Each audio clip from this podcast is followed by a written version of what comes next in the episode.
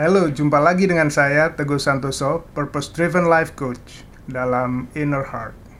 Semoga renungan ini memberi inspirasi bagi saudara untuk hidup selaras dengan tujuan Allah. Berdoa bersama. Dalam doa bersama terkandung prinsip-prinsip rohani yang penting bagi pertumbuhan rohani kita. Kitab Mazmur adalah kumpulan doa bersama umat Allah. Mazmur dikumpulkan dari tulisan banyak penulis. Mazmur itu dikumpulkan dan dipakai bersama-sama oleh umat. Mazmur itu berisi penyembahan, pengucapan syukur, keluhan, permohonan meminta pertolongan Allah, dan juga pengakuan dosa. Umat datang bersama-sama di rumah Tuhan dan biasanya secara silih berganti mereka membacakan Mazmur.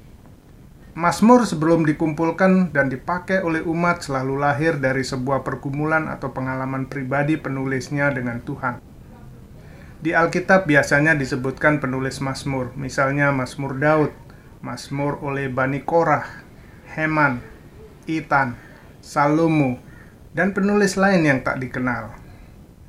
Pengalaman mereka bersama Tuhan ditulis berupa pujian, ucapan syukur atas kebaikan Tuhan, doa permohonan, teriakan, tangisan, keluhan kepada Tuhan. Pengalaman mereka bersama Tuhan ditulis. Tulisan doa-doa pribadi itu kemudian dikembangkan menjadi doa bersama umat. Mazmur itu kemudian dipakai oleh umat sesuai dengan kebutuhan mereka ketika mereka menghadap Tuhan. Doa bersama penting dalam kehidupan kita sebagai umat Tuhan. Mazmur 125 ayat 1 sampai 2 berkata, Orang-orang yang percaya kepada Tuhan adalah seperti gunung Sion yang tidak goyang, yang tetap untuk selama-lamanya. Yerusalem, gunung-gunung sekelilingnya, demikianlah Tuhan sekeliling umatnya dari sekarang sampai selama-lamanya. Mazmur ini mengatakan orang-orang yang percaya adalah sebuah kumpulan, komunitas. Jika mereka satu dalam doa, mereka kokoh seperti gunung Sion. Tuhan menjadi seperti benteng pelindung mereka, seperti gunung-gunung yang mengelilingi Yerusalem. Janji Tuhan juga disampaikan dalam Matius 18 ayat 19. Dan lagi aku berkata kepadamu, jika dua orang daripadamu di dunia ini sepakat meminta apa pun juga, permintaan mereka itu akan dikabulkan oleh Bapakku yang di sorga. Salah satu bagian dalam liturgi di gereja kami yaitu family prayer.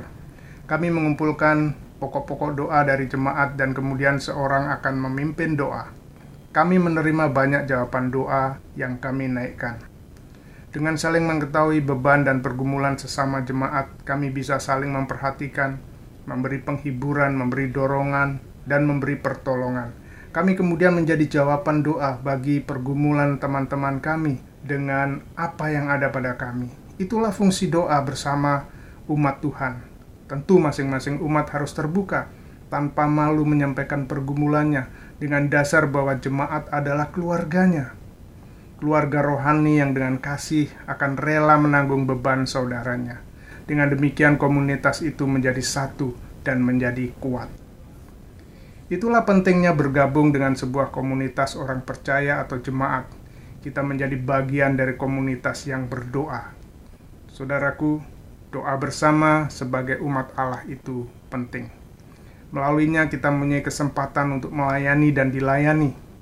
Asalkan kita terlibat secara aktif, bukan pasif, yaitu dengan membuka diri, bukan saja berdoa untuk orang lain, tetapi juga kita terbuka untuk didoakan. Ayo terus berubah dan bertumbuh, saudaraku jika renungan ini bermanfaat bagi saudara, bagikan kepada orang lain. Sampai jumpa besok, Tuhan memberkati saudara. thank you